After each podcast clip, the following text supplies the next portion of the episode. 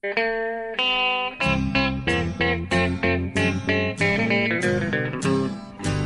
out there, we're on the air. It's hockey night tonight. Tension grows, the whistle blows, and the puck goes down the ice.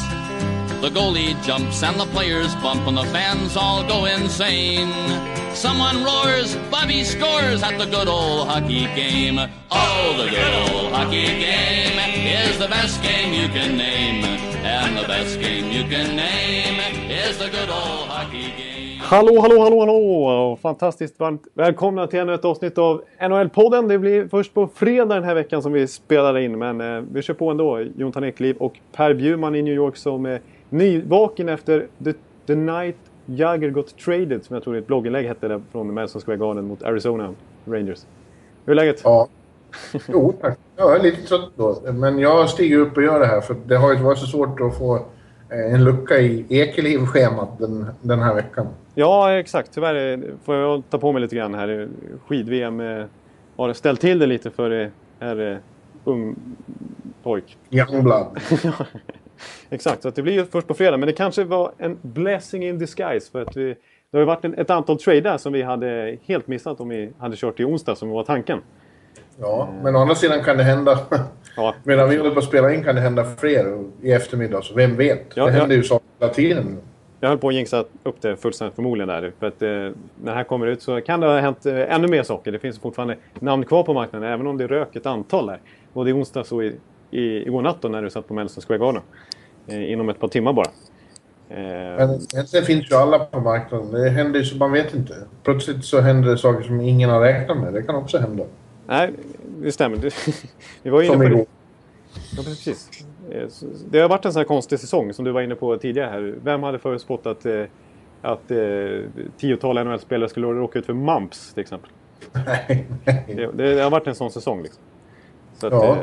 det kan hända lite allt möjligt och det florerar rykten på Twitter som är lite stökiga nu. Vi kommer ju komma in på allt möjligt. Vi ska prata om traden som har varit. Vi ska prata om Patrick Kane som har gått sönder.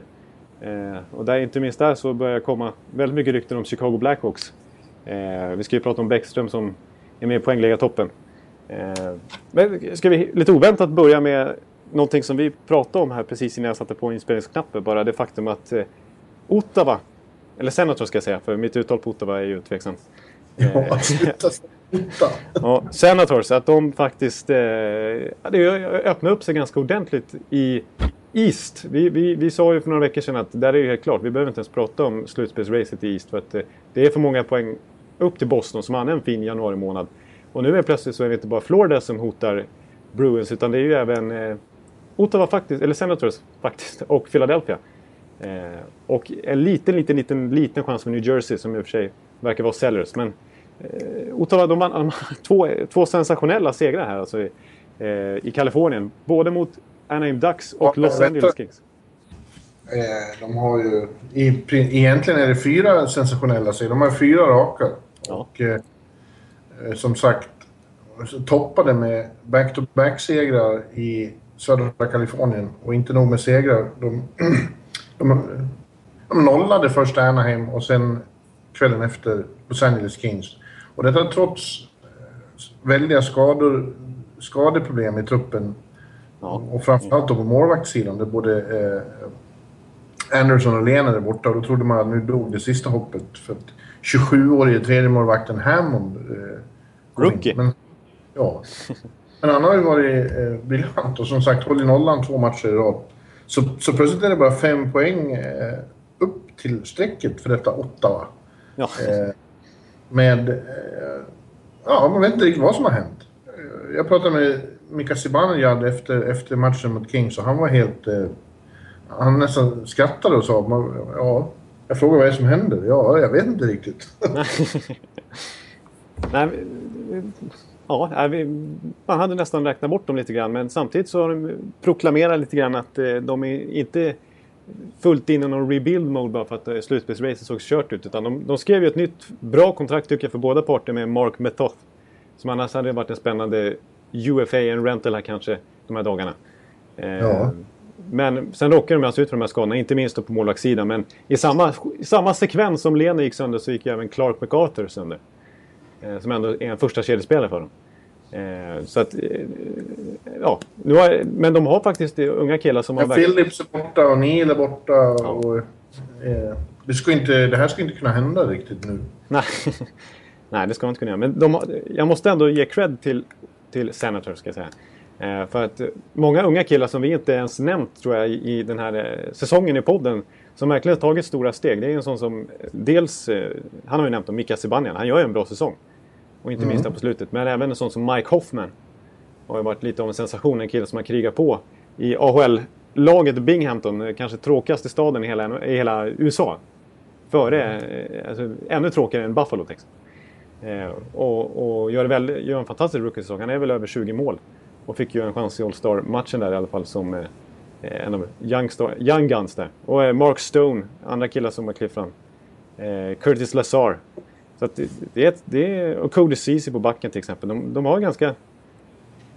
Jag, jag tycker det är... Mm. Men, men det är inte... Det, det är, även om de inte har vår vän Valrossen där i båset längre. Utan nu har de en kille som är lite mer eh, för unga killars utveckling som har jobbat inom mycket inom kanadensisk ungdomsverksamhet. Eh, så, eh, så, så, känns det... Var det inte lite samma scenario den gången Erik Karlsson gick sönder och de hade Jason Spetsa på skadelistan också och hur det nu var. Eh, det året som McLean fick pris som, som bästa tränare i hela ligan, Jack Adams Award, när de hade massa skador och hela laget lyfte sig. Det verkar ja. vara Ottawas filosofi liksom. Ja, och gick till slutspel och allt. Ja. Det var väl då de slog ut, det var då de slog ut Montreal. Ja, precis. Och eh, sen, eh, ja, sen tog det stopp mot, mot uh, Pittsburgh då. Ja, ja. men visst. Eh, ja, det är ändå något speciellt med det här. Och eh, som, eh, som eh, Mika också konstaterade, bara... Ja, de har en match mindre spelade än Boston också och ska möta Boston två gånger till. Just det. Just det. det kan ju bli väldigt spännande. Ja. Va, ska, ska vi försöka våga oss på någon slags... Eh, det, det kommer avgöras mycket av vad som händer de kommande dagarna. För det är ja, vilka som kommer träda till sig. Min spaning, eller man ska säga, det är ju att eh, många av de här lagen eh, faktiskt, vi kommer komma in mer på de här traderna, men till exempel Florida som träder till sig Jagger som visar att de går för det. Trots att de är på gränsen till slutspel, faktiskt inte ens ligger på slutspelsplats just nu. Vi såg även Minnesota ganska aggressivt som är på gränsen också. Eh, flera lag... Ja, Florida är bara en, två poäng bakom eh, Boston. Det är Boston som alla är ute efter eftersom Boston sladdar igen då. Mm, mm. Det är bara dem det handlar om. Precis. Och Boston som förlorar David Krejci här på eh, tung knäskada borta kanske upp till sex veckor. Eh, så att, eh, och det, de, har ju, de har bara vunnit två av sina tio senaste matcher Boston. Så att, mm. Vilket, vilket, lag tror du? Det känns som att det, det står ju med en plats i alla fall. För det är all, all, alldeles... Mm, mm, mm. ja, men det, det, står, det, är ju, det, det, är ju den platsen de slåss om. Och det är ju, ja, tror du att Florida, Philadelphia Senators kommer att... Eh, vilket lag tror du har störst chans av de tre? Florida. Ja. Tror jag. Inte bara för att de ligger närmast, men eh, den här traden de gjorde nu när de knöt till sig eh, Jager. Ja. Tror jag gör att de, de har känt som de har varit på uppgång ett bra tag nu och det finns så mycket... Eh, ja, som vi har pratat om förut, det finns väldigt mycket ung talang där som jag tror kan få eh, ett, ett, ett ännu mer lyft när, när en sån eh, legendar och ledare och rutinerad eh, man som Jagger kommer dit och sannolikt får en nytändning efter en lite tung period i, i New Jersey nu. Ja. Eh, så, så, om, ja, det, man vet ju aldrig, aldrig hur det funkar när folk kommer till nya. Det kan ju bli helt fel med kemin och så. Men om, om det funkar något sånär, då tror jag att eh, Florida kan häva, häva sig upp, eh, uppåt igen.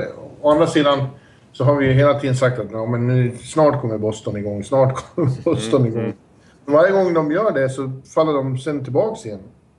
Ja, de har inte lyckats uppbära liksom en, den här gamla Bruins-andan. Nej. Så att, och nu med Crazy skada, nu är det väldigt mycket snack om att Boston kommer vara tydliga buyers här och att de eh, kommer förmodligen plocka in ett tungt namn inom kort. Ja, det blir intressant att se vad de kommer att göra. Eh, eh det går inte riktigt att avgöra förrän, förrän det är klart vad de, vad de gör, hur det kommer att se ut. Men ja, vad ska de göra då? Det finns inte så mycket, om, om, om vi ska tro på eh, se till de som eh, känns tillgängliga så det känns inget som det finns någon där ute som kommer att lyfta Boston. Ja, det är väl, det är väl då eh, Antoine Vermette som, som ju... Darren... Fan, överskattad han blir bara för att han är tillgänglig. Inte fan kommer han att lyfta Boston. Nej, det är ju ingen super... Det är ju ingen sån här Iginla snubbe som kan skriva in det. Verkligen inte. Han, han blir, bara för att han är... Ja, av de som är kvar, det kanske hetaste namnet nu, så är det som att han, han får eh, en status som han inte alls... Jag såg honom ju här igår med Arizona. Han syntes inte ett dugg. Det var, det, usch! Du, du, du, du, du tar till rejäla kraftuttryck här alltså. Ja, jag blir irriterad när, när, jag, när det såna här gånger att, att för många spelare, för att det är dålig tillgång på riktiga stjärnor så får spelare som inte är några stjärnor plus stjärnstatus.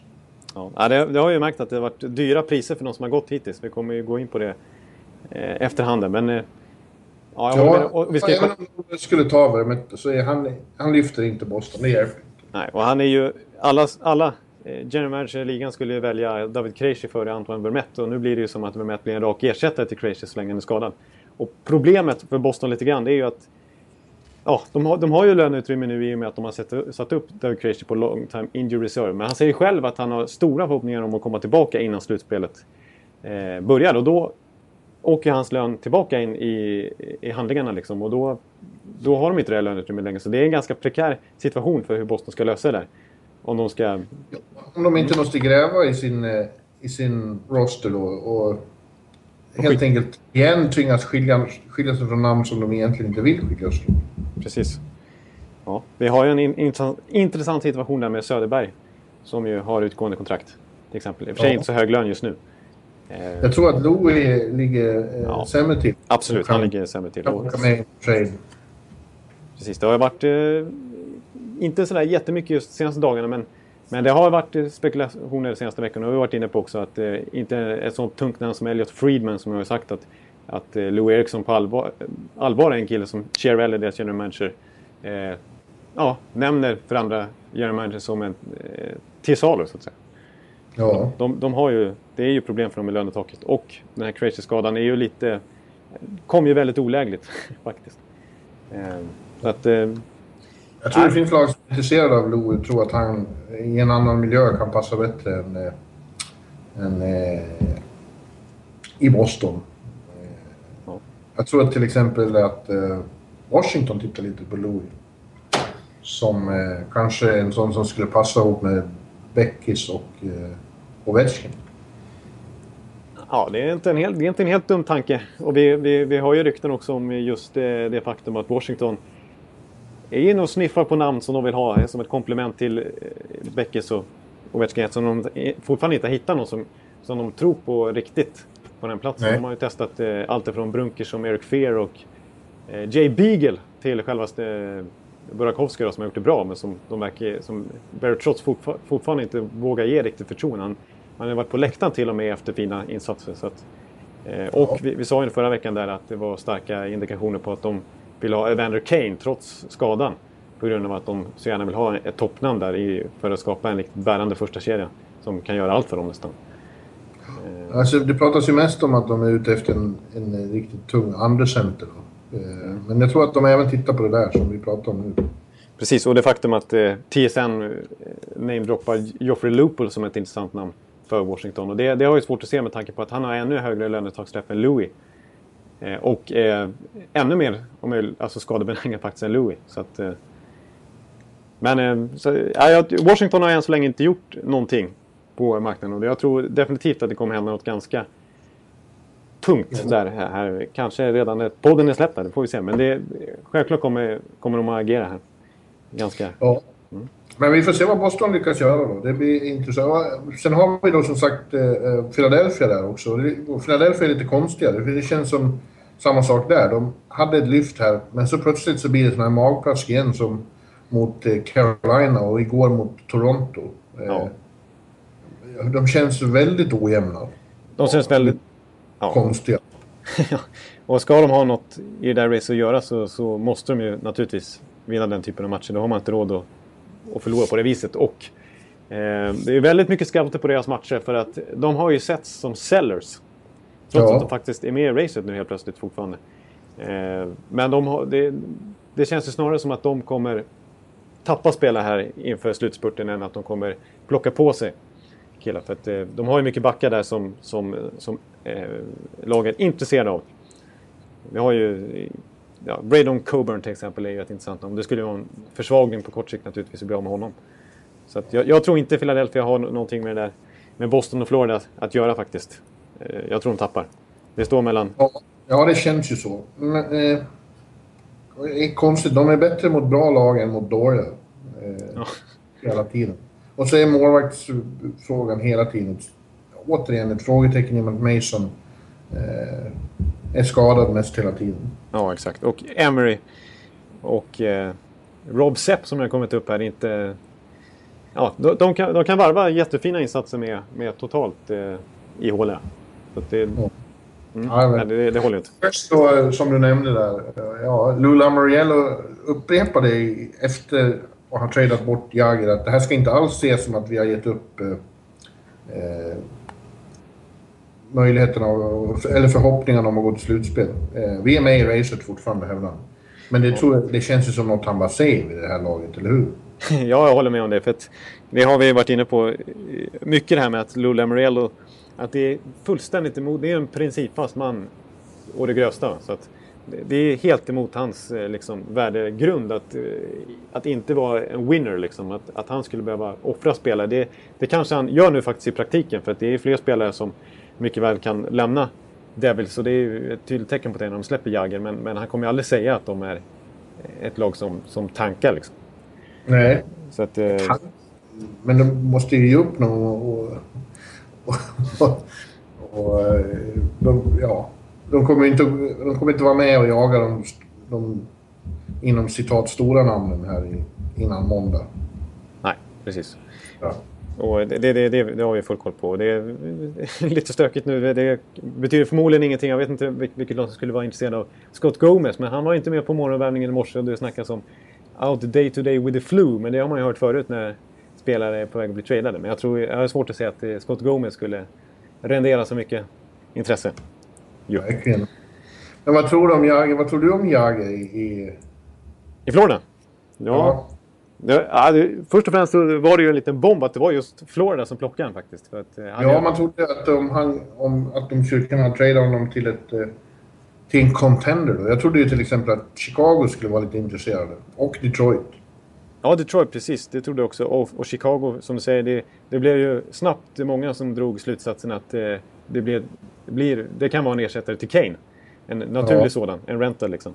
Eh, men eh, det blev alltså Florida och det här har ju Dale Talon sagt att eh, så fort han läste för ett antal veckor sedan att ja, två veckor sedan ungefär att, att Jagger, när, när han fick frågor om det här med trade deadline, hur ser du på det? Då, kan du tänka dig att bli tradad och så här? Och då har ju Jagger varit väldigt öppen med nu att Ja, absolut. Jag, jag vet att det är bäst för både mig och Devil som jag blir tradad. För vi har våra slutspelschanser är små och de kan få ganska bra utbyte för mig och jag får en chans att vinna Stanley Cup kanske. Så det, det är inga konstigheter. Har jag sagt. Och eh, så fort eh, deltagaren råkar råkade se det här någonstans så ringde jag upp Lula Mariello. Så har han ju själv deklarerat nu och, och sen har ju förhandlingar pågått. Och det har varit ganska intensivt på slutet och han hävdar ju Del att andra rivaliserande lag kring slutspelsstrecket, vi kan ju tänka oss då till exempel Boston, har hört sig för om Jagger. Eh, och att priset blev ganska högt då. Ett andra val och ett tredje val var det Ja, precis. Eh, vilket ju är ganska ja, dyrt för en 43-åring. Men det låter inte som något som ett, eh, ett lag, ett andra lag som skulle vara angelägna om att få honom skulle helt backa inför det priset. Ja, jag, jag, jag, tycker, jag tycker för sig att andra val och tredje val är ganska högt pris alltså för en rental. Eh, men för sig, för sig Jagger är ju... Dels så tror jag att Florida ser det här naturligtvis som en förstärkning och att de får väldigt mycket rutin till ett ungt lag. Men också som en marknadsmässig lite PR-kupp lite grann. För att det är klart att det här höjer intresset för i marknaden. Alltså eh, få in en sån superstjärna som Jaromir Jagr. I en, ja. i, en, I en arena som där suttit 7-8 tusen per match.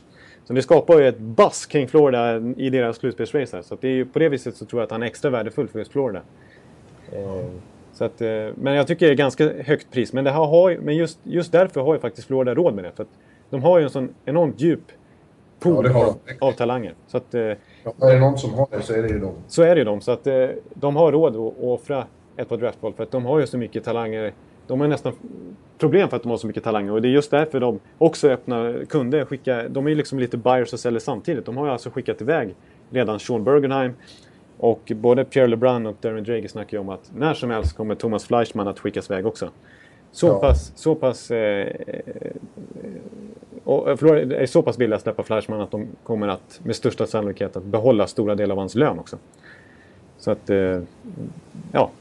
Det, det, det, det, är lite sit intressant situation för Florida. Men för, och, och anledningen till att Florida gör det här, att de är villiga att släppa sina unrestricted free agents. Dels för att de inte kommer förlänga mer än av säsongen. De har inte lyckats så bra där.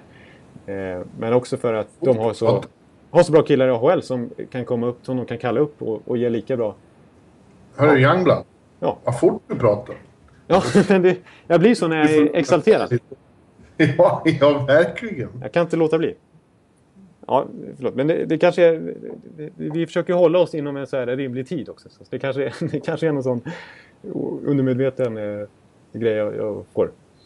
Ja, men jag, jag tror, jag tror det blir bra. Jag, jag, jag, tror definitivt att, att Florida har goda chanser att, att rubba Boston där. Jag kanske till och med ja, tippar att de tar den platsen. Ja, ja det, det ser ljust ut. Jag är glad för Jagers skull också. Jag älskar Jagr. Du tycker att han är en diva. Jag älskar honom. Och uh, tycker det blir... Uh, det är väldigt roligt för honom att få, att få lämna det här jävla köldhålet som den här delen av världen har varit nu i två månader och fortfarande är. Och uh, flytta ner till Fort Lauderdale. Det tror jag inte gör så ont i, i Jaromir.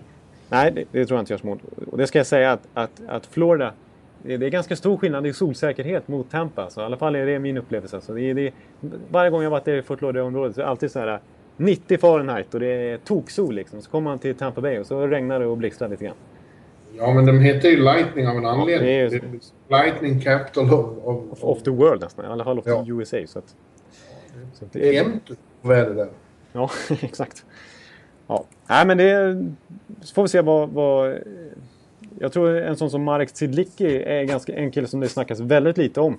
Det kanske är dels för att han är i New Jersey då, är en annan renter. Dels, dels för att han har ju, framförallt har han sagt då att han är inte så intresserad av att bli borttradad. Eh, faktiskt. Trots att han är till, eh, till åren kommen. Men han, det är ju en right-fattad back som eh, var jättevärdefull pickup för New Jersey när de gick till final 2012. Då tradade de till sig honom från Minnesota. Och nu när det är en sån marknad, tunn backmarknad och många lag blir just högerfattade offensivt skickliga backar så är Mark Sedlick ett ganska bra alternativ tycker jag. Ja. Att, eh, jag tror han, kan, han kan nog ryka också vare sig han vill eller inte faktiskt. Jag tror han för sig har en no movement klausul på något sätt. Men skulle han få chansen att, att bli contender någonstans, komma till contenderlag så tror jag definitivt att han kan flyttas på här när som helst. Det finns ju också en sån som eh, det pratas inte om så många svenskar, men en sån som Jakob eh, Josefsson är en sån som kan åka med i en deal, är jag rädd. Ja. Ja, det, ja, han, ja, det är inte, det är inte Han har fått lite mer förtroende precis framför... Ja, vi, ska, vi har ju varit inne på hur, hur enorm skillnad det blir för Adam Larsson med, sen coachbytet. Men även Josefsson har väl fått lite mer förtroende nu. Men eh, ja. det, det känns som att eh, visst, det är, det är ofta så att det följer med lite prospects eller unga killar i, i, i sådana här hoopbox-trader.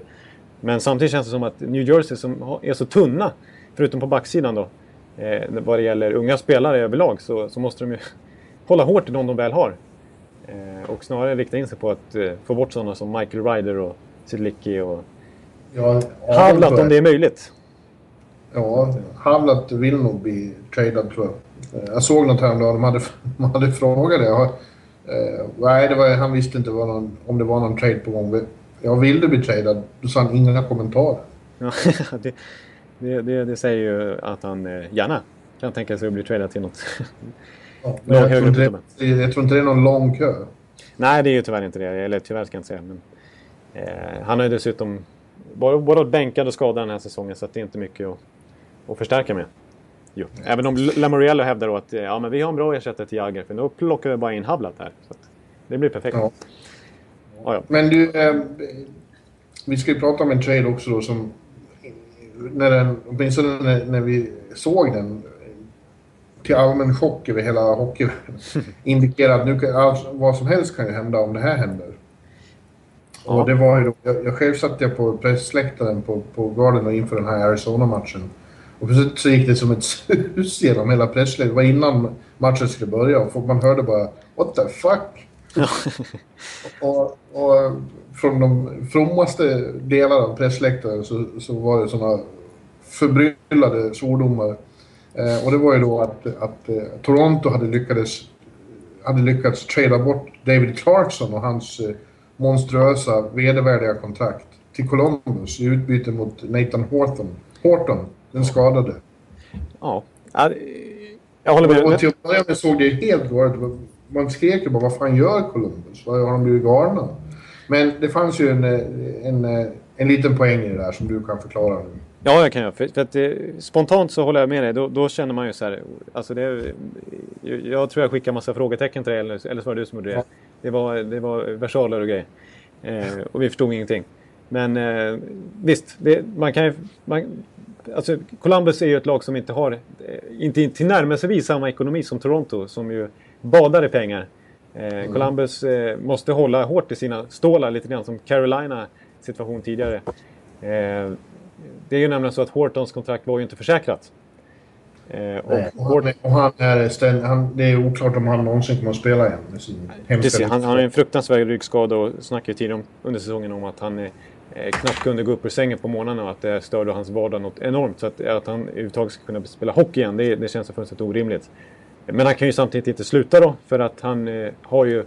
Då upphör hans kontrakt att gälla, så han kommer ju likt eh, Chris Pronger till exempel att eh, inom situationstecken fortsätta karriären. Ja. Eh, så länge kontraktet pågår och det är ett antal år till. Och, men i och med att kontraktet var oförsäkrat så måste Columbus fortfarande betala hela den här stora capiten på drygt 5 miljoner vad det var. Ungefär motsvarande vad Clarkson fick i Toronto. Och Clarkson spelar... var ju naturligtvis... Det var 26, 26 miljoner något kvar på Hortons kontrakt. Exakt, och det är ju ja, för, för, rent ekonomiskt är ju inte det här så stora pengar för Toronto som, har, som är ju det klart rikaste laget i NHL. Trots att de har eh, haft så ja. svagt med framgångar så är det en sån enorm marknad så att pengar är ju om minsta problemet. Om du lugnar lite. Ja. ja, de har råd att utan problem sätta Horton på långskadelistan och betala hans lön och samtidigt bli av med eh, den här hemska cap-hitten som, som då Clarkson utgjorde. De, de eh, skaffar sig utrymme under taket helt enkelt. Precis. Medan då eh, Columbus får ju det kontraktet men de får också en spelare åtminstone som kan spela. Exakt. Eh... Men jag hävdar ju fortfarande att jag, om Clarkson inte tänker vara bättre än han har varit i Toronto då, då undrar jag om det kommer att kännas lika betungande att ha en frisk Clarkson som en, som en skadad Horton. Ja, jag såg det. Jag såg att du skrev det i bloggen här. Och det, det kan väl... Eh, det kan mycket väl bli så att han är lika dålig för att när han blev värvad av Toronto för den enorma summan som ju var eh, naturligtvis överbetald redan då. Det sa ju alla då att oj vilket kontrakt de slösade på Clarkson. Men då hade han ändå ganska stark säsong bakom sig i New Jersey och dessförinnan det här året eh, som vi redan nämnt när de gick till Stanley Cup 2012 så gjorde han 30 mål och han var en förgrundsfigur i slutspelet. Och Clarkson ja. hade ganska hög status då och det är ändå tre år sedan bara. Eh, men vi har ju sett många spelare de senaste åren som 2012 var fantastiska spelare. Till exempel Mike Richards var ju en fantastisk spelare då. Eh, Ryan Malone var en bra spelare då. Danny Heatley var en okej okay spelare då.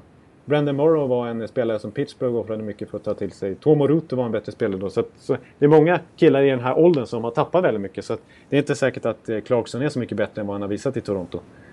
Jo. Nej, nu sa ju Jarmo Kekkiläinen, den finländske general managern i Columbus, att jo, eh, Clarkson är en... Eh, han spelar vår typ av hockey, men det, där, det är bara trams. Det är bara något de behöver säga. De behöver, de behöver av ekonomiska skäl göra den här dealen. Men, och för Toronto är det ju helt underbart. Ja. Eh, det var ju Nonis, deras GM, som, som begick det här misstaget. Och nu har han korrigerat det själv. Kanske räddat sitt jobb därmed. Det kan ha varit för att för Torontos del så är det en helt magiskt bra deal. För nu, det, det är ju enormt viktigt lönetagsutrymme som de får. Och ja. som i all sannolikhet kommer fyllas upp med något annat. Och förhoppningsvis för deras del mycket bättre. Om Nunis nu lyckas lösa det. Ja. Men... Eh, jag läste en intervju med Clarkson nu innan du ringde upp här. Höjdpunkten i Toronto var dagen när han signerade kontraktet. Och det var också en av de få Ja, exakt.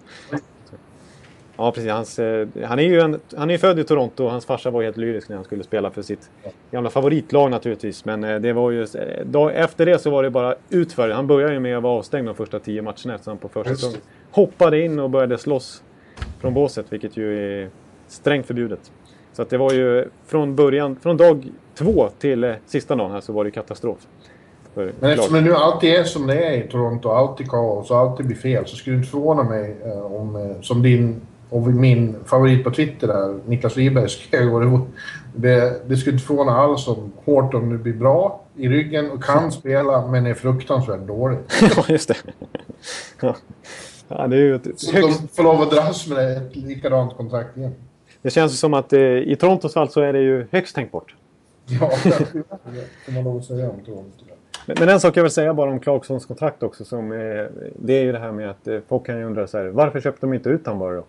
Eh, tidigare. För att det var ju snack om det. Varför köpte man inte ut Clarkson? Och när CapGeek-sidan fanns så, så hade de en lista så här. Man kunde, de hade ju en buyout calculator. Och då var ju Clarkson nummer ett på den. Han var den som mest folk testade att se vad skulle hända om vi köpte ut Dave Clarkson. Men hans kontrakt var ju upp, uppbyggt på ett helt bisarrt sätt jämfört med hur många andra är. 75% av hans totala lön var signing, bonus, signing on bonus.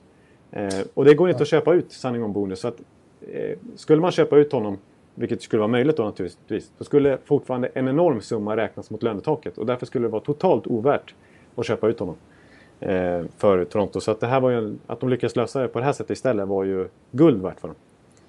Ja. Det bara. Eh. Ja. Ja, det var i alla fall, eh, det sjöng till i, i så det bara smällde i, i, i klockan. när det hände. Ja, ja det var, eh, det hade jag inte trott. Men jag... Nej, inte Men du, man funderar ju nu bara då vad, det har hänt så otroligt mycket här de senaste två veckorna. Det är inte mycket kvar till på måndag när det är trade deadline. Nej, det är det inte. Men jag, jag vill... Ja, okej. Ska vi... Ska, ja. Alltså, det, det, är ändå lite intressanta situationer. Och, det kan bli spelare som... Jag, jag har varit inne på det tidigare i förra podden att jag tror att det kan bli trader av spelare som nödvändigtvis inte är unrestricted free agents utan som är bra. Nej, precis. Det tror jag också. Eh, och det, ska vi ta det intressanta kring vad som har hänt med Patrick Kane då? För att, eh, ja, det måste vi nämna och så kan, kan vi komma in på rundstrecket i väst sen också. Precis. Och så, och så, borde vi kanske nämna lite grann också, det har ju varit andra stora traders som Andrei Sekera eh, senaste dagen också. Vad, vad det kan innebära för till exempel Los Angeles Kings. Men ska vi ta Patrick Kane? Vi kommer in på det nu när vi pratar om väst. Men vi ja. börjar med Kane. Ja. Och eh, eh, ja, det, var ju, det är ju väldigt bedrövligt tycker jag. Rent eh, kvalitetsmässigt och underhållningsmässigt för hela NHL. Är att då Patrick Kane skadades mot eh, Florida fick en crosscheckning som i och för sig inte var så ful, men han snubblade samtidigt och brakade in med axeln i, i sargen och bröt nyckelbenet. Tvingas till operation och blir borta i 12 veckor. Om 12 veckor, det är vi i slutet av maj. Så enda chansen till att Patrick Kane, eh, Showtime, den största artisten vi har, spelar hockey igen den här säsongen, eh, är att Chicago går till ny konferensfinal utan honom. Alltså. Ja, precis. Ja. Och jag vet inte. Eh, innan dess så hade ju eh, Bowman där, deras GM, sagt att de nog inte kommer vara särskilt aktiva på trademarknaden, men att de nu absolut måste vara det. Och en eh, trade ska vara nära förestående var det senaste budet eh, under ja. Eh, torsdagskvällen. Precis, Chris Cooch eh, mm. på Chicago Tribune. Om man nu vill uttala det så. Ja, man kan, ut, man kan uttala det på ett mycket mer vulgärt sätt också. Du skulle se vad mitt rättstavningsprogram hela tiden vill ändra hans namn till. Han stavar alltså K-U-C. Ja, precis. Och vi, eh, vi vill inte få någon sån här... Ex... Det är fantasi själva. Precis, och, och eh, skulle vi eh, tappa det lite grann nu så skulle vi få en sån här explicit eh, mark bredvid våran podd. Och det vill vi inte ha. att, jo, det vill jag Det kanske vi vill ha. Ja, då, ja. Ja, vi, vi tar lite lugnt Men i alla fall, eh, ja precis. Framför, till att börja det som du säger så håller jag med om att det är ju ett slag för hela NHL. För det här var ju, Patrick Kane var ju, hade ju enormt stora chanser att bli den första amerikanska skytteliga, eller poängligavinnaren i NHLs grundserie. Ja, han har ju en fantastisk säsong också. Som Jonathan Taves sa i första kommentaren. Men det är säsongen han har, it breaks his heart. Så. Såklart. Ja, och när du säger Showtime då får jag ju os, os, alltså det finns ju massa minnen man skulle kunna få upp i hjärnan för han har ju avgjort så mycket viktiga matcher i sin ganska korta karriär.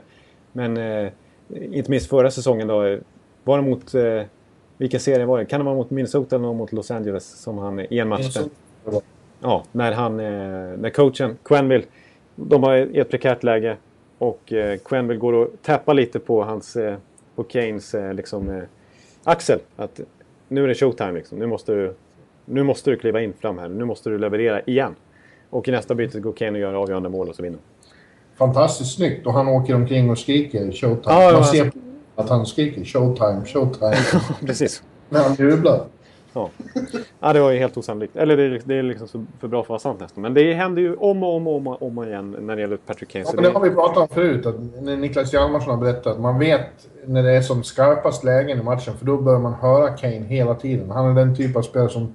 När det är som svettigast och mest dramatiskt, då vill han alltid ha pucken. När man kan tänka sig att mindre, mindre eh, mentalt starka människor snarare försöker gömma sig. Ja. Så är han, det är då han blir som allra ivrigast. Exakt, och det är ju det är en helt ovärderlig egenskap. Så det är ju helt... Det är helt, helt fullständigt omöjligt för eh, Chicago att ersätta honom nu. Eh, fram till att... Han är, eh, alltså rent... Om man tänker sig ersätt, enskilda spelare så är han oersättlig. Det finns ingen annan. Nej. Nej, nej precis. Så att... Men... Ja, vad ska vi... Men de får försöka göra något ändå för att kompensera det här. Och, och vad, de började med att ta upp eh, den unge finländske talangen som ska bli nästa Patrick Kane, eller hur? Eh. Ja, alltså eh, Toivo Terveinen... Ja, en... han började med att göra mål direkt i första matchen utan, utan Kane. Precis, de svarar ju upp mot eh, Kane, eh, fiaskot, eller Kane, mardrömmen här och dessutom det faktum att det var massa märkliga rykten om att det skulle pågått slagsmål i omklädningsrummet och sånt där. Ja. Som ju de själva förnekat och som verkar vara ganska lösgrundat. Men de svarade upp mot det genom att vinna med 3-0 borta mot Florida i en viktig match. Och Terveinen... Utan eld, säger jag. Vad sa du? Det förnekas ju alltid. Det förnekades att Fredrik Ljungberg och Olof Mellberg hade slagits i Japan också fast hela församlade svenska pressen stod och tittade på det. Ja, det är sant. Ja. Det, det, det, kan ju, det kan ju ha pågått med grejer. Det behöver inte nödvändigtvis vara något negativt, säger jag. Nej, det behöver nödvändigtvis inte. Temperament i laget. Nej. De har ju killar som är, vi såg i, i, i Winter Classic-serien där som kan bli lite buttra. Typ en sån som Patrick Sharp liksom. Han verkar inte vara så här jättetrevlig att ha att göra med efter en eh, dålig träning direkt. Liksom. Eller, eller vår vän där som blev utskälld hela tiden, eh, Bickle. Eller Crawford. Eller Crawford inte minst då. Nej. Eller försök gå fram till Hjalmarsson när det har gått riktigt dåligt. När han är på dåligt humör. Då är han en riktig smålänning. Ja, nej, ja, precis. Du ser det. Ja. Som sagt, det är inget negativt nödvändigtvis det där. Nej. Men, eh, men vad tror de kommer att göra? Men, det pratas ju också om då Vermette. Han är ju ingen, ingen ersättare direkt för Kane tycker jag. Men eh, det kanske ger eh, en, en bredd de får förlita sig på mer nu då. De får, lite, får förlita sig på en bredd och jag tror, visst, jag tror att Vermette skulle göra ganska bra. Och de har ju faktiskt eh, löneutrymme då, i och med Kanes skada att, att göra en ganska stor eh, värvning för att eh, det är ju så att eh, även om Kane kommer tillbaka till slutspelet så har ju inte lönetakssystemet någon roll då. Det upphör ju att gälla när grundserien tar slut för att spelarna får ingen lön i slutspelet. Mm. Så att då, då spelar inte det någon roll. Så att just nu så har ju Löns stora kontrakt försvunnit eftersom han är på long time injury reserve och de kan ta in en sån som Vermette till exempel. Så att visst, Vermette är ju en har ju seglat upp som en stor favorit att hamna i Chicago.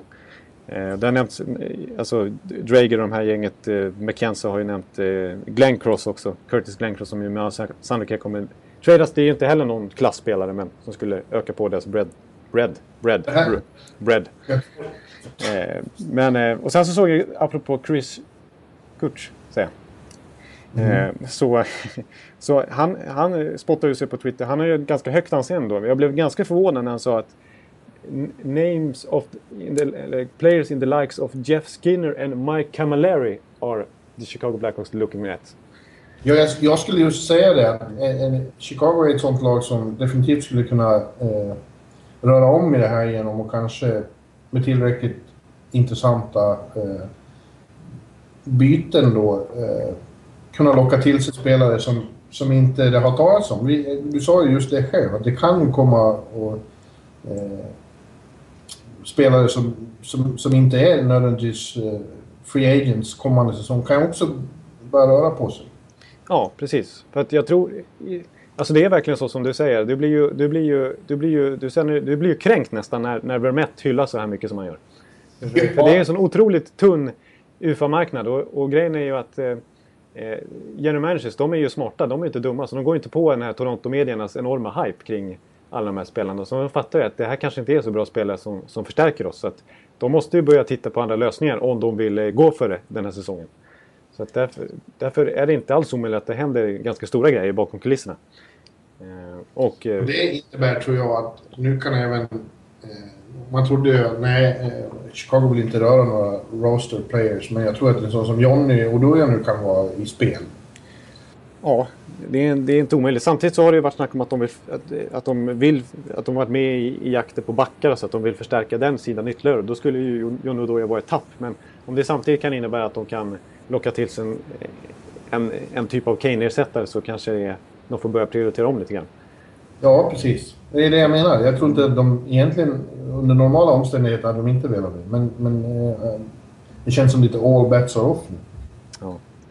Ja. Och sen så var det intressant på Hockey-Sverige som jag tror för Bodin skrev. Eh, han hade ju fått uppgifter om att eh, Dennis Rasmussen och Claes Dahlbäck nere i AHL-laget hade plockats av från träningen eller, eller inte ens fått träna nu i dagarna här för att, eh, och det kan man ju spekulera varför, men att det ska bero på då att de är eh, spelare som Chicago kan tänka sig att trada för att få in mm. något bra och att de, de vill inte riskera att de skadar sig och sånt där. Så att de är scratchade just nu för att, eh, för att Chicago ska ha möjligheter på marknaden. Och vi, som coach skrev där att, att Bowman gick runt på pressläktaren med ena näven en stor popcornskål och andra näven telefonen hela matchen. Han, han, sa ju själv då också att uh, a trade is pretty close. Sa ju alltså uh, Bowman själv då. Så att, uh, det kommer hända saker. Ganska stora saker. Där. Så är det. Ja. Du, apropå Kane. Nu, vi ska ju prata Westhoven, men jag vill bara nämna snabbt då. För att det, det här öppnar ju upp för Bäckström att kunna vinna poängligan. Ja, det gör det. Eh, ju, förstås. Eh, Tror att han gör det? Han är... Ja, vi får allt se. Det är ju det är ganska jämnt i den ligan också. Verkligen. Eh, det är flera... Eh, våra checkar på 64 poäng, Bäckström 64, Kane då som nu inte kommer vara med mer också på 60. Men sen följer de ju bara. Det skiljer väldigt få poäng. Så inte vet jag. Men eh, eh, det har ju öppnat, vi kan säga att det har öppnat för de andra i toppen av poängligan.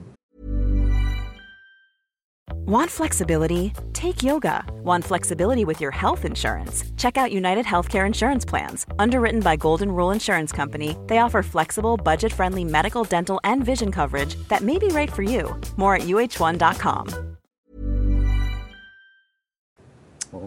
Alltså, när vi, när vi spelade in när vi tänkte spela in i onsdags och jag snackade om att vi måste, nu måste vi snacka Bäckström verkligen här. Då, då hade han gjort massa poäng i rad här. Nu har han gått poänglös bara för det, två raka matcher. Du var ju ja, på plats och såg det. hoppa dit direkt. Vi håller på fortfarande med väst, säger jag. Ja. det blir rörigt det här. Det blir, vi hoppar hit och dit här. Ja, verkligen. Men, du, du blir kränkt. Oss...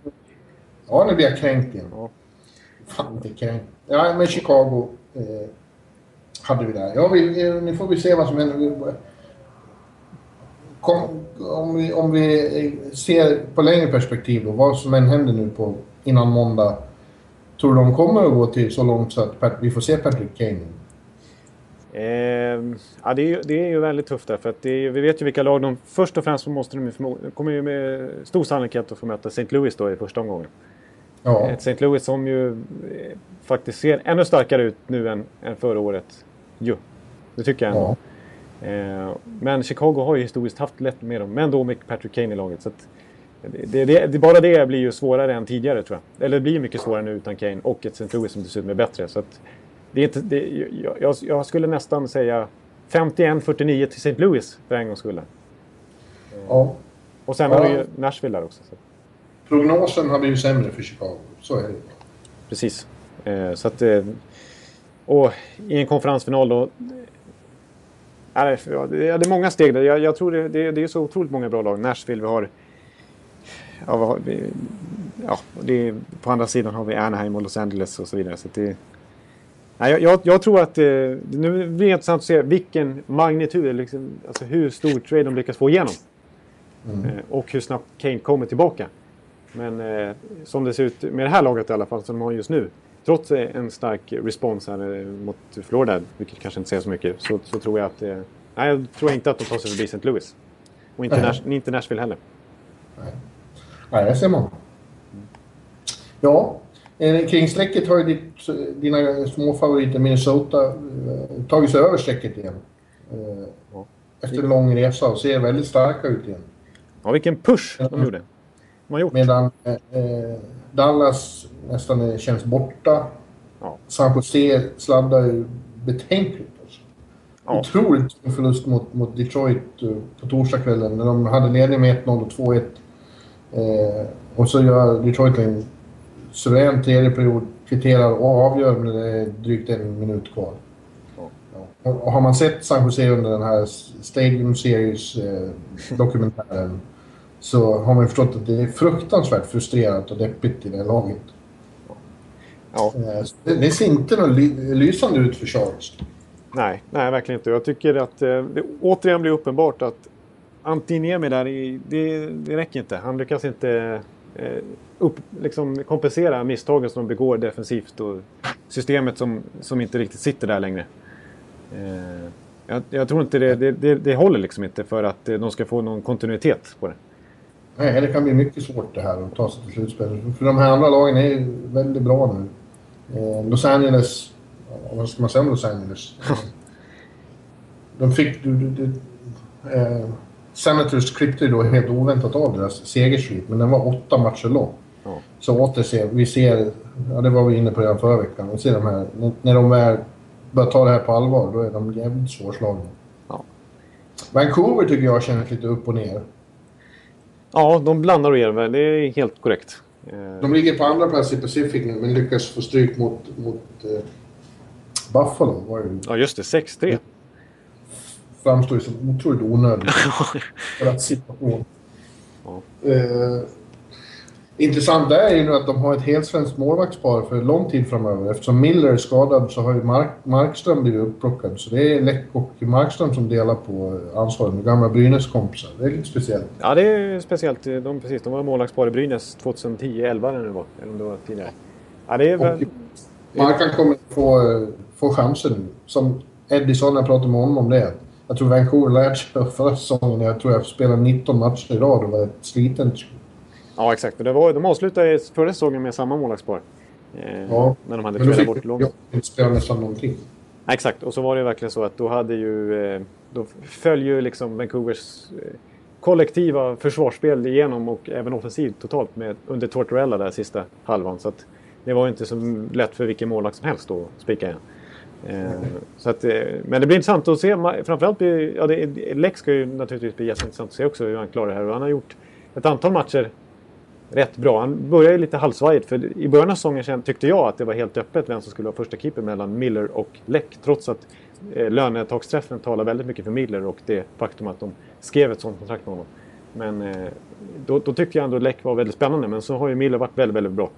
Eh, men Markström har ju varit väldigt, väldigt bra han också i AHL. Och nu ja, känns det som att eh, han får en, en, chans till här att, att etablera sig, eller liksom kunna visa upp sig i NHL och, och visa att han håller på den här nivån.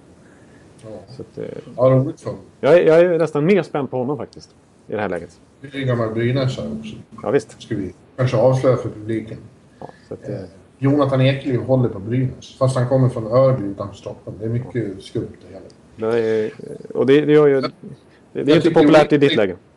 Nej. Jag, jag tycker Winnipeg fortsätter imponera.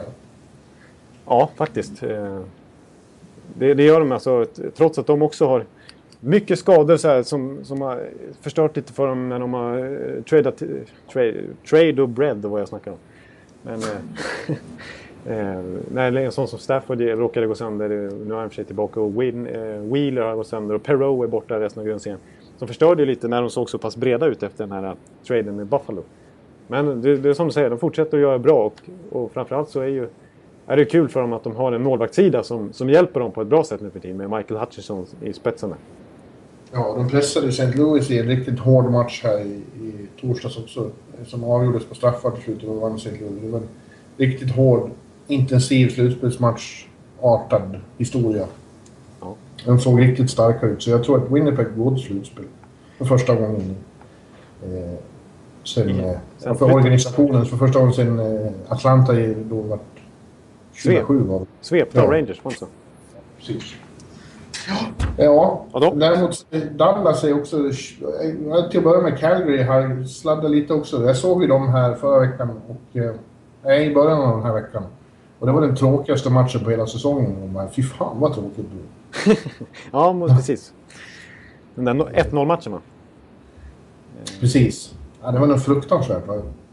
Man blir påminn om när hockey är tråkigt, då kan det vara något in i helvete. Det enda som var roligt eh, det var ju att eh, Kari Räme gjorde en eh, räddning där som eh, kommer visas. Ja, en, klassisk räddning i början, men sen hände det inget mer. Nej. Vi får se. De har ändå eh, sin karaktär och så. Men nu är, precis nu är de utanför slutspelet.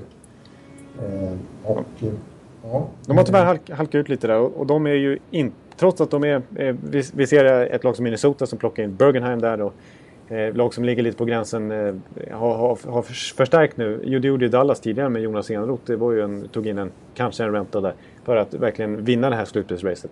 Eh, Men, eh, men Col- Calgary känns det tvärtom att om, de, om det kommer hända någonting där så är ju att de snarare släpper då Curtis Glencross.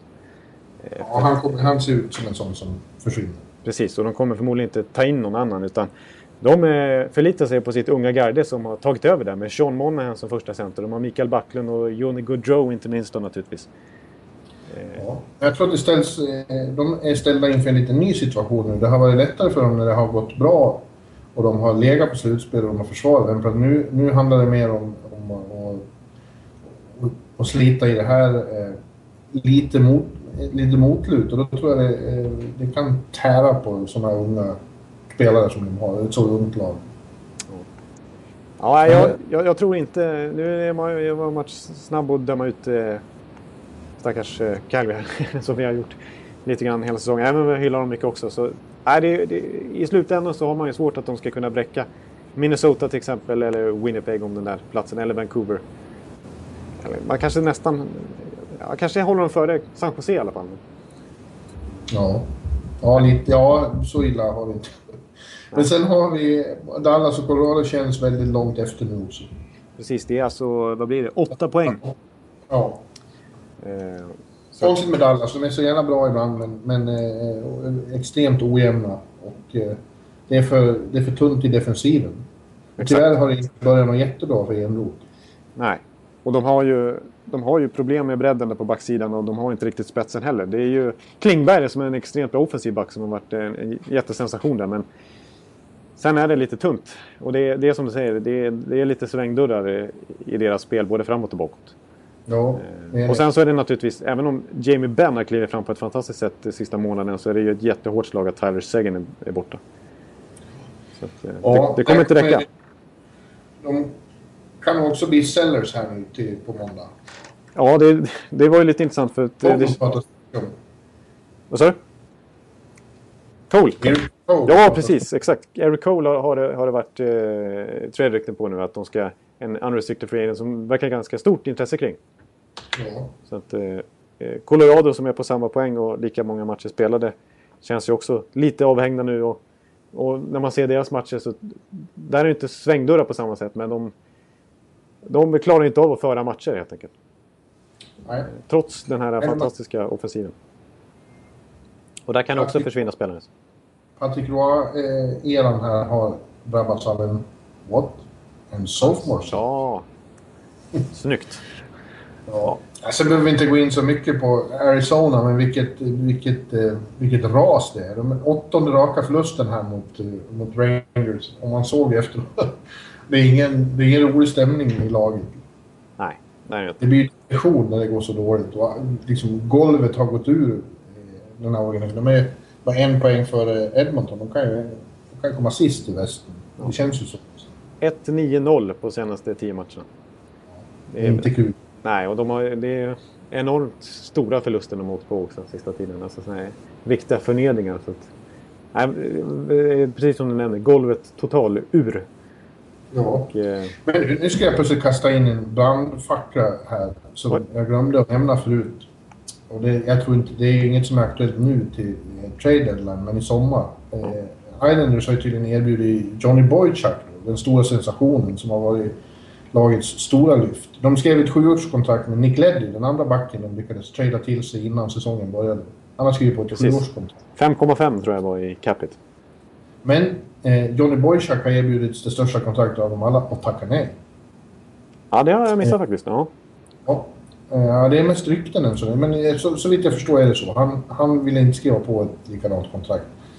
Fast då ännu bättre. Och det indikerar ju att han som UFA då eh, kommer att bli tillgänglig i sommar. Och då kan vi snacka om att det blir en back som är eftertraktad på marknaden. Ja, verkligen. För, för Borsak, jag tyckte visst... För han har, fram till han kom till Islanders nu så har han fått spela andra, tredje, nästan fjärde fjol i, i Buffalo. Eller i Buffalo, i Boston. Ja. Eh, och liksom i tidigare sin karriär. Så att han har inte känts som en... Eh, alltså man har inte riktigt vetat vad han går för som, eh, som en riktig stjärnback. Men eh, han har ju en enorm... Han och Leddy, men framförallt Boychuk har ju en enorm, enorm stor del i att eh, New York Islanders har gått så otroligt bra den här säsongen. Så att ja. han har ju verkligen visat upp att han är en, en, en back man verkligen kan hålla anden och som man kan ha som första, första back. Och då förtjänar han ju enormt stora pengar. Johnny Boom Boom. Ja. Jag tycker de ska spela John, John, Lee Hookers Boom Boom när han, eh, när han är på isen. boom, boom, boom, boom. I'm gonna shoot you right down. oh, nu, nu, du vet ju vad som händer när du gör sånt där. Du, du bjuder på material. Ja, den går så. Boom, boom, boom, boom. Gonna shoot you right down. Ja, förlåt. Bra. Nu fick Viktor någonting att jobba med. Exakt, exakt. Jag, jag, jag vill inte störa det. Mycket Men eller hur, visst kommer han och, om han nu inte, om han blir eh, free agent i sommar. Och väldigt tråkigt då för Islanders i så fall att ännu en gång, trots att de har lyft sig och blivit som sensation, fortfarande då skulle ha svårt att behålla den sortens spelare. Lite Vanek situation nästan. Exakt, och då trodde man att det skulle vara tvärtom nu den här sommaren när de ska flytta till Brooklyn. Då trodde ja. man att det, det, där kommer bli ett stort lyft för dem i liksom attraktionskraft. Men eh, man får förstå också Johnny eh, Boom Boom att eh, det känns väldigt intressant att se vad han kan få och vilka klubbar han kan hamna i. Ja, precis. Exakt. Han, kan, han kommer nästan kunna välja att braka när en ja. högerfattad eh, skicklig första back är tillgänglig på marknaden i sommar och så många lag, topplag vill ha honom och han vet att han kan få lika mycket pengar där som i Islands kanske. Så att... Ja, vilken huggsexa. Ja. Mm. ja, det blir ganska trevligt i backmarknaden då. Även Mike Green som ju förmodligen Washington kommer behålla nu över trade deadline. Han det blir spännande att se blir, han är också tillgänglig i sommar då, förmodligen. Mm. Ja. Detroit kommer nog gå efter Johnny Boom Boom rätt hårt i så fall. Ja. Tror du inte? Ja, det tror jag. Mm. Får vi se hur mycket lönetaket höjs också. Ja, det är det. Ja. Du, men du ville prata lite Beckis eller Washington också, var det inte så? Ja, det vill jag, jag, vill, jag vill ju bara spekulera då lite i, i, Vi var ju inne lite på det. Du nämnde ju att det var ju så pass jämnt där i, i poängligan. Alltså, eh, visst, de ligger på samma poäng nu. Voracek och Bäckström. Eh, 64 var. Men sen är det ju ett koppel av spelare som ligger strax över 60 eller strax under. Eh, mm. Och eh, man blir ju... Naturligtvis så är det ju upplagt för, för sådana som Crosby och Malkin. Som ju faktiskt har samlat på sig 62 respektive 61 poäng. Och är eh, hack i häl, men har ganska mycket färre matcher spelade. Så att de har ju bäst poängsnitt. Så ska man gå efter det och de kan hålla sig skadefria så är det ju naturligt att kanske de slåss om det i slutändan. Men, ja. men Bäckström... Jag var, jag, såg, jag var nere i Washington dagen efter den här vedervärdiga Rangers-Calgary-matchen så var jag åkte till Washington och såg Capitals Penguins som var en otroligt mycket bättre match. Riktigt explosiv historia. Det, det visar på motsatsen varför hockey är så roligt. Ja, precis. Ja. det var, det var, det var en riktig playoff-match det. Eh, där de ju också slåss om samma positioner i tabellen. Ja, och då var ju Pittsburgh bättre. Eh, de var hetare. Efter att ha fått stryk tre raka matcher mot Washington så var de... Alltså det var, vart ju otroligt dramatiskt så på slutet, men... Eh, och då såg, då såg man att ja, både Crosby och Malkin gjorde mål och, och känns som de var på väg att varva upp lite kanske. Ja. Medan, precis som du nämnde tidigare, så Beckis lite kall. och har inte gjort poäng på ett par matcher nu.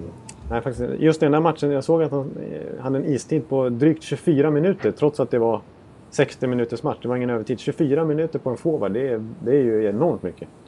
Ja, och ändå så vart han bortplockad på slutet när de jagade, jagade kvittering. Eh, så du tyckte nog trots att han hade varit för kall. Ja. Man är svårt att ta sig in i zonen. Eh, Men som helhet är det ju en succé den här säsongen. Och Ovechkin och Bäckström är ett eh, radarpar av eh, rang igen. Guds nåde. Ja. Precis, och så Det, kanske... varit mycket, det är mycket debatt om det där nu. Huruvida... Vi har ju haft Hyselius i Hockeystudion som har eh, hävdat att Beckis inte är så bra som siffrorna ser ut. För dels är det många andra assist och väldigt många poäng i powerplay. Och andra hävdar ju då att det är för att Ovechkin gör så mycket mål som han får så mycket poäng. Men eh, eh, jag har eh, ett par saker att säga om det. Ja. Nummer ett, alla andra assist är inte skit. Liksom. Det, rätt ofta skulle jag vilja hävda att, eh, att det är rätt eh, viktiga andra assist. Exakt, och det finns ju en anledning till att, att man räknar andra sist också. Ja. Annars- Nummer två, powerplay är en ganska viktig del av spelet. Och Det- nummer tre, eh, jag tror att de kompletterar varandra de här två. Eh, jag tror att de är en perfect fit, eh, Bäckström och Ovechkin. Ovechkin skulle göra mycket mål förmodligen med vem som helst, men kanske inte riktigt lika många eh, utan en sån enastående playmaker. Nej, det tror jag verkligen inte heller. Nej. Och alla snipers skulle göra mycket mål med Beckis på isen. Jag hävdar det. Ja, jag håller med. För det är ett, ett, en parallell man kan dra då, som vi har snackat lite tidigare om. Inte, inte apropå Ovechkin, men eh, i, mitt, i mitt lag där, Tampa Bay, så, så har, ser man ju på Stamkos att han har ju problem när han inte har någon radarpartner längre. Eh, Ja, precis. när han inte har sin St. Louis som levererar passningarna och han får göra mer av jobbet själv så, så gör han inte alls lika mycket poäng. Och han, ligger ju inte, han är ju inte med och slåss i poängliga-toppen den här säsongen. Eh, och han halkar efter Ovechkin i målligan också. Ja. Så att, eh, Bäckström har stor del. Dags att trada Stamkos. Ja. Absolut inte. Absolut inte. Kunde ni... kunde Tampa trada San Louis förra året så kan vem som helst bli tradad. Säger som Havlat. Inga kommentarer. Nej, Nej, precis. Ja, nej, men... Eh, ja, min, min gissning är att Beckis kommer fortsätta vara med i toppen av poängligan. Ja, och det vore ju fantastiskt coolt om man skulle vinna. För det är ju någonting som väldigt få svenskar har lyckats med. Ja, det var tre tidigare. Ja, Forsberg, Sedinarna. Det är de två. Ja. Båda Sedinbröderna. Varje gång jag hävdar det så, det, så kommer det... Syrliga, är du, är du säker på det? Har, har verkligen Daniel vunnit? Var har du fått det ifrån? Men det var ju så. Eh, vann, 2010 vann Henrik och 2011 vann Daniel. Det är inte konstigt än så. Nej. Ja. Du, eh, vi kanske ska börja runda av snart. Ja, jag vet inte. Jag tycker det är trevligt att sitta och prata med Ja, men vi kör lite till då, för vi har några, vi har några mer. Alltså, ska vi, ta, ska vi, vi har ju pratat redan om Los Angeles och så här, men ska vi bara snä, de, de gjorde faktiskt, de trevde till sig. Förutom Vermette så har det varit snack om mycket om André Sekera. Vi har ju pratat om han i varenda podd i fem veckor i rad. Ja. Och de, de eh, gjorde ju till slut så nu att de... eh, Som Lombardi sa det, han, han ville ju belöna sina spelare efter den här fantastiska resurrection de har fått till när de har vunnit så mycket matcher. Att nej, vi ska gå för den här säsongen också. Ni har gjort det så bra så ni förtjänar en, en, en ärlig chans. Att han, han eh, offrar ju ett eh, första runda val här. Och en prospect i form av Roland McKeon då för att få eh, Sekera. Ganska högt pris ändå, men ändå rimligt tycker jag. Eh, ja. och, eh, de, bilden där har ju varit behöver eh, staga upp eh, sin backuppsättning lite i och med att eh, Vojnov eh, är borta. Och nu har de lite tunga ska, skador där också, då, på framförallt Martinez. Ja, exakt. Eh, och Martinez situation, det, först sa det att han var day to day efter den där hjärnskakningen som han drabbades mot just Tampa Bay. Eh, men nu har ju rapporter kommit att han, han har fortfarande symptom och, som är, tär på honom lite grann och han har inte kommit längre än upp till eh, cykeln i gymmet. Det Nej. är så mycket han kan träna än så länge så det är ju inte så lovande faktiskt.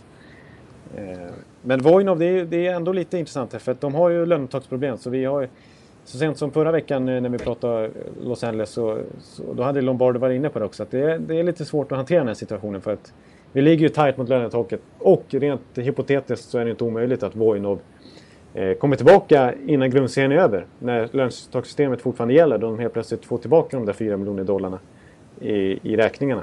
Eller i räkningen liksom i, mot löntaket. Eh, för att han ska ju ha, det har ju skjutits upp den här, hans liksom förhandlingar eller förhör, åtal i rätten.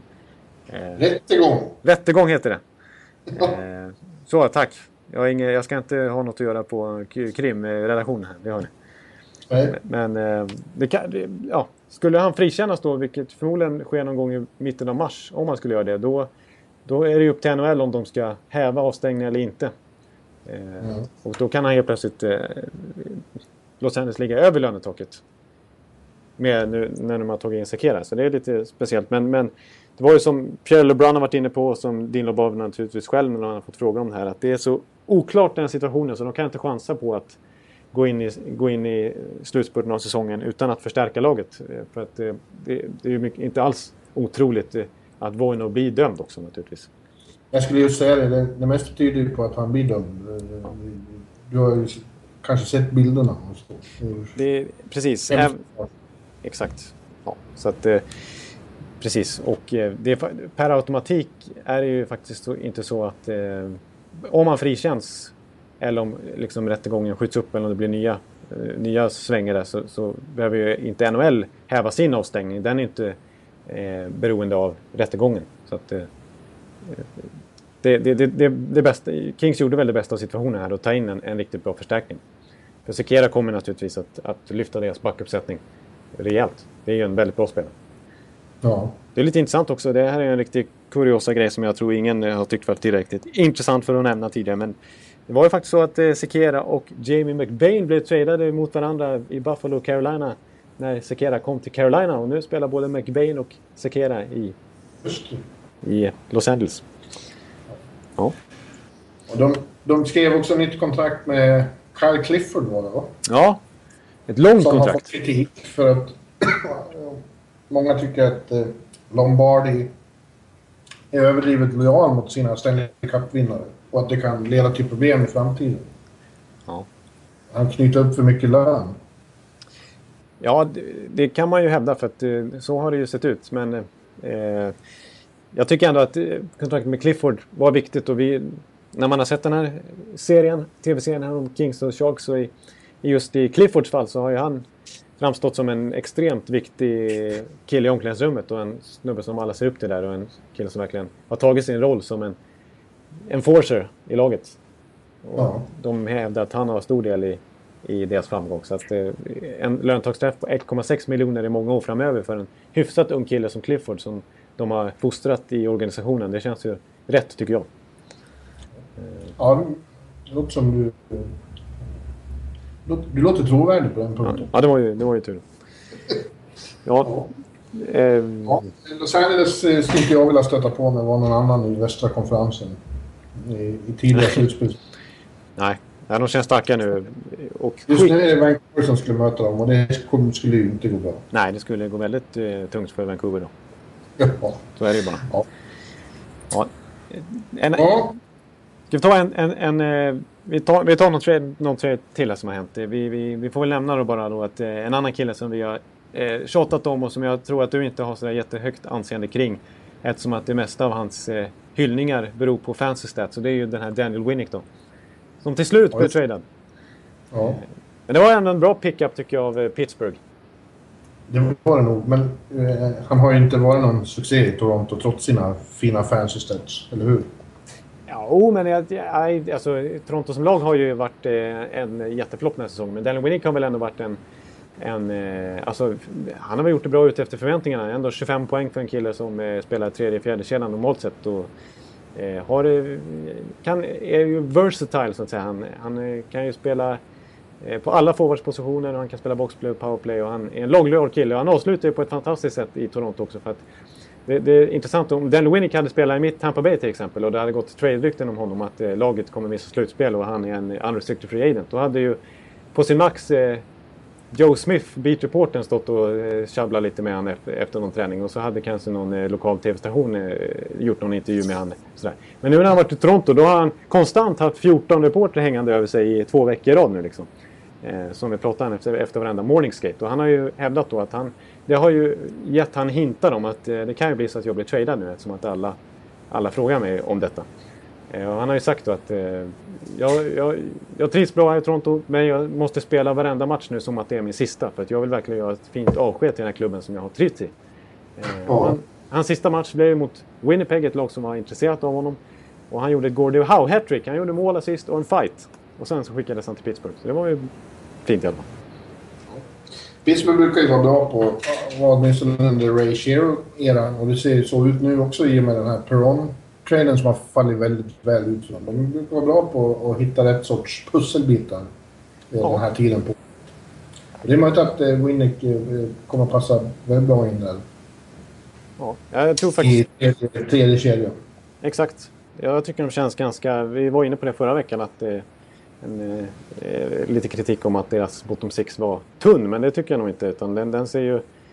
Eh, inte minst med den här traden så ser den ju rätt bra ut. De har ju namn som Sutter, Winnick, eh, Downey, LaPierre, Spalling, kanske Bo Bennett, eh, Craig Adams. Det är ganska många alternativ. Så, och det, är- det är bra för Pittsburgh. Det ska bli spännande att se. Det känns som eh, de är lite bortglömda eh, relativt sett vad gäller slutspelsmöjligheterna. Det kan bli ett intressant år för att möjligen att eh, förväntningarna är lite mindre än vanligt, lägre än vanligt. De är, precis, kryper lite under radarn och de kanske har eh, bredden i år också. Som de inte haft nödvändigtvis tidigare. Ja, det, Ja. Blir, det blir intressant. Se vad deras unga backar kan eh, prestera nu också om de inte lyckas göra en trailer. Ja. Ja, de behöver ju... De saknar ju Olimäte. ja, Tyvärr. det är naturligtvis det. Han, han, han var en, eh, en riktig rookie-sensation där. Och tyvärr så har han drabbats av... Det ser inte så bra ut längre. Nej, precis. Det är inte samma... En kille som har vunnit Stanley Cup där tidigare och med Los Angeles också. Men Ja. eh, som börjar bli till åren och trött och gammal. Liksom, eh, tappa, tappa speed och fart. Hänger inte med. i- Ja. Så är det. Som jag. Som du... ja, du håller ju uppe farten fortfarande. Ja, Och jo, jo. kvaliteten, det är inte mycket sarg ut utan det är liksom... Det, det är Dape and Cha- Chase... Dump, dump and Chase. Full fart. Mål. Krysset. Ja, För fan. ja visst. Så. Jag tänkte mer min skridskoåkning. Ja, men du lever inte på skridskoåkningen. Du lever på spelsinnet. Tack och lov. Tack och lov. Herregud. Då skulle vi sitta på fattighuset. Just det. Ja, Ja, hör du. Eh, ja, nästa gång vi tar oss vid då har, då har trade deadline passerats. ja precis. Då Exakt. kommer vi ha mycket att prata om.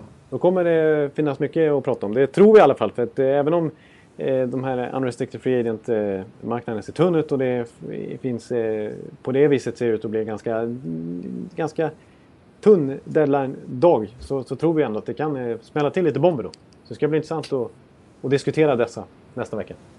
Ja, Det ska det. Och eh, på måndag då så kan vi väl nämna att eh, då eh, har vi full täckning på det här. Vi kommer att ha, eh, vad ska vi kalla det? Eh, en standby-sändning. Eh, där vi kommer att gå ut, alltså inte här i podcasten men på TV. Eh, när det händer saker, eller hur?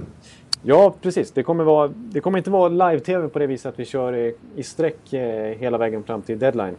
Utan eh, vi kommer gå upp med, med livesändningar som kommer finnas tillgängliga att titta på kort i efterhand också. Eh, eh, så fort det händer någon, någon lite större trade. Ja. Eh, och vi kommer även ha en summerande del på slutet där vi summerar dagen. Så det kommer och vi kommer ha text eh, live och du kommer blogga framförallt då. Hela, hela kvällen. Ja. Och Men det när, kommer när på det händer plats. stora saker så ska jag väl vara med emellanåt på Skype då kanske. Eh, Ja. Direkt från Garden där vi har morgonvärmning med Nashville och eh, New Rangers. Och sen följer eh, hela trading deadline därifrån. Exakt, exakt. Det ska bli spännande att se om, om, om eh, eh, Rangers eller Predators klubbledningar kommer ut och hämtar killar på isen. För då brukar det betyda att de har blivit tradade. Ja. Eller inte får vara med alls på morgonvärmning. Nej. Och då har du eh, Hagelin inte är med. Då skulle jag, då skulle jag sjunga till. Då skulle, och då är, precis, då är du på första parkett där då. Superbevakning. Ja. Det är TS enklast kan det bli. Springer in, tränger in någon kanske för en kommentar. Ja, du ser. Precis.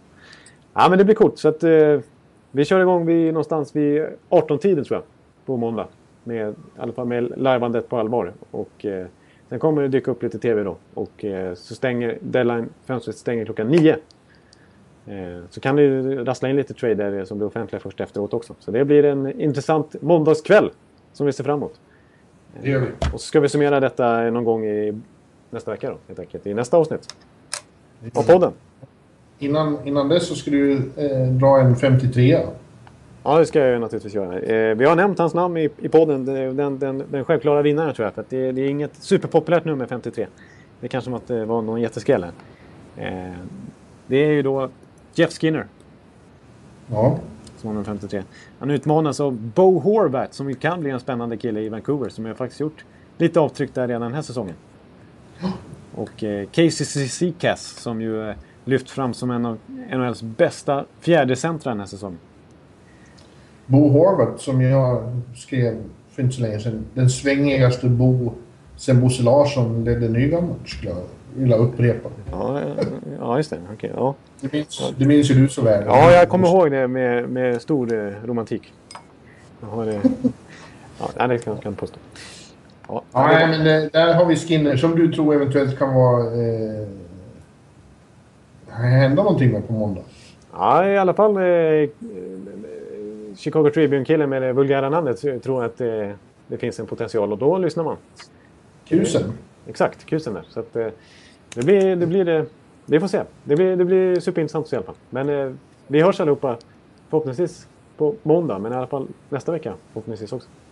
Det gör vi absolut. Ha det så gott. Och vi hade en, eh, den här listan på eh, dina lite icke-favoriter, spelare som du inte ogillar. Det får bli en cliffhanger till kommande avsnitt. Ja, någon gång tar vi den. Vi Den håller vi på. Precis. Ha det så gött allihopa, vi hörs. Hej, hej! Hej hej! I like it. I like it. I like it. I like it. I like it, I love it, I want some more of it. I try so hard, I can't rise above it. I like it, I love it, I want some more of it. I like it. I like it. I love it. I love it. I love it. I love it. I like it, I love it, I want some more of it. I try so hard, I can't rise above it. I like it, I love it, I want some more of it. I like it. I like it. I like it. I like it. I like it. Like it.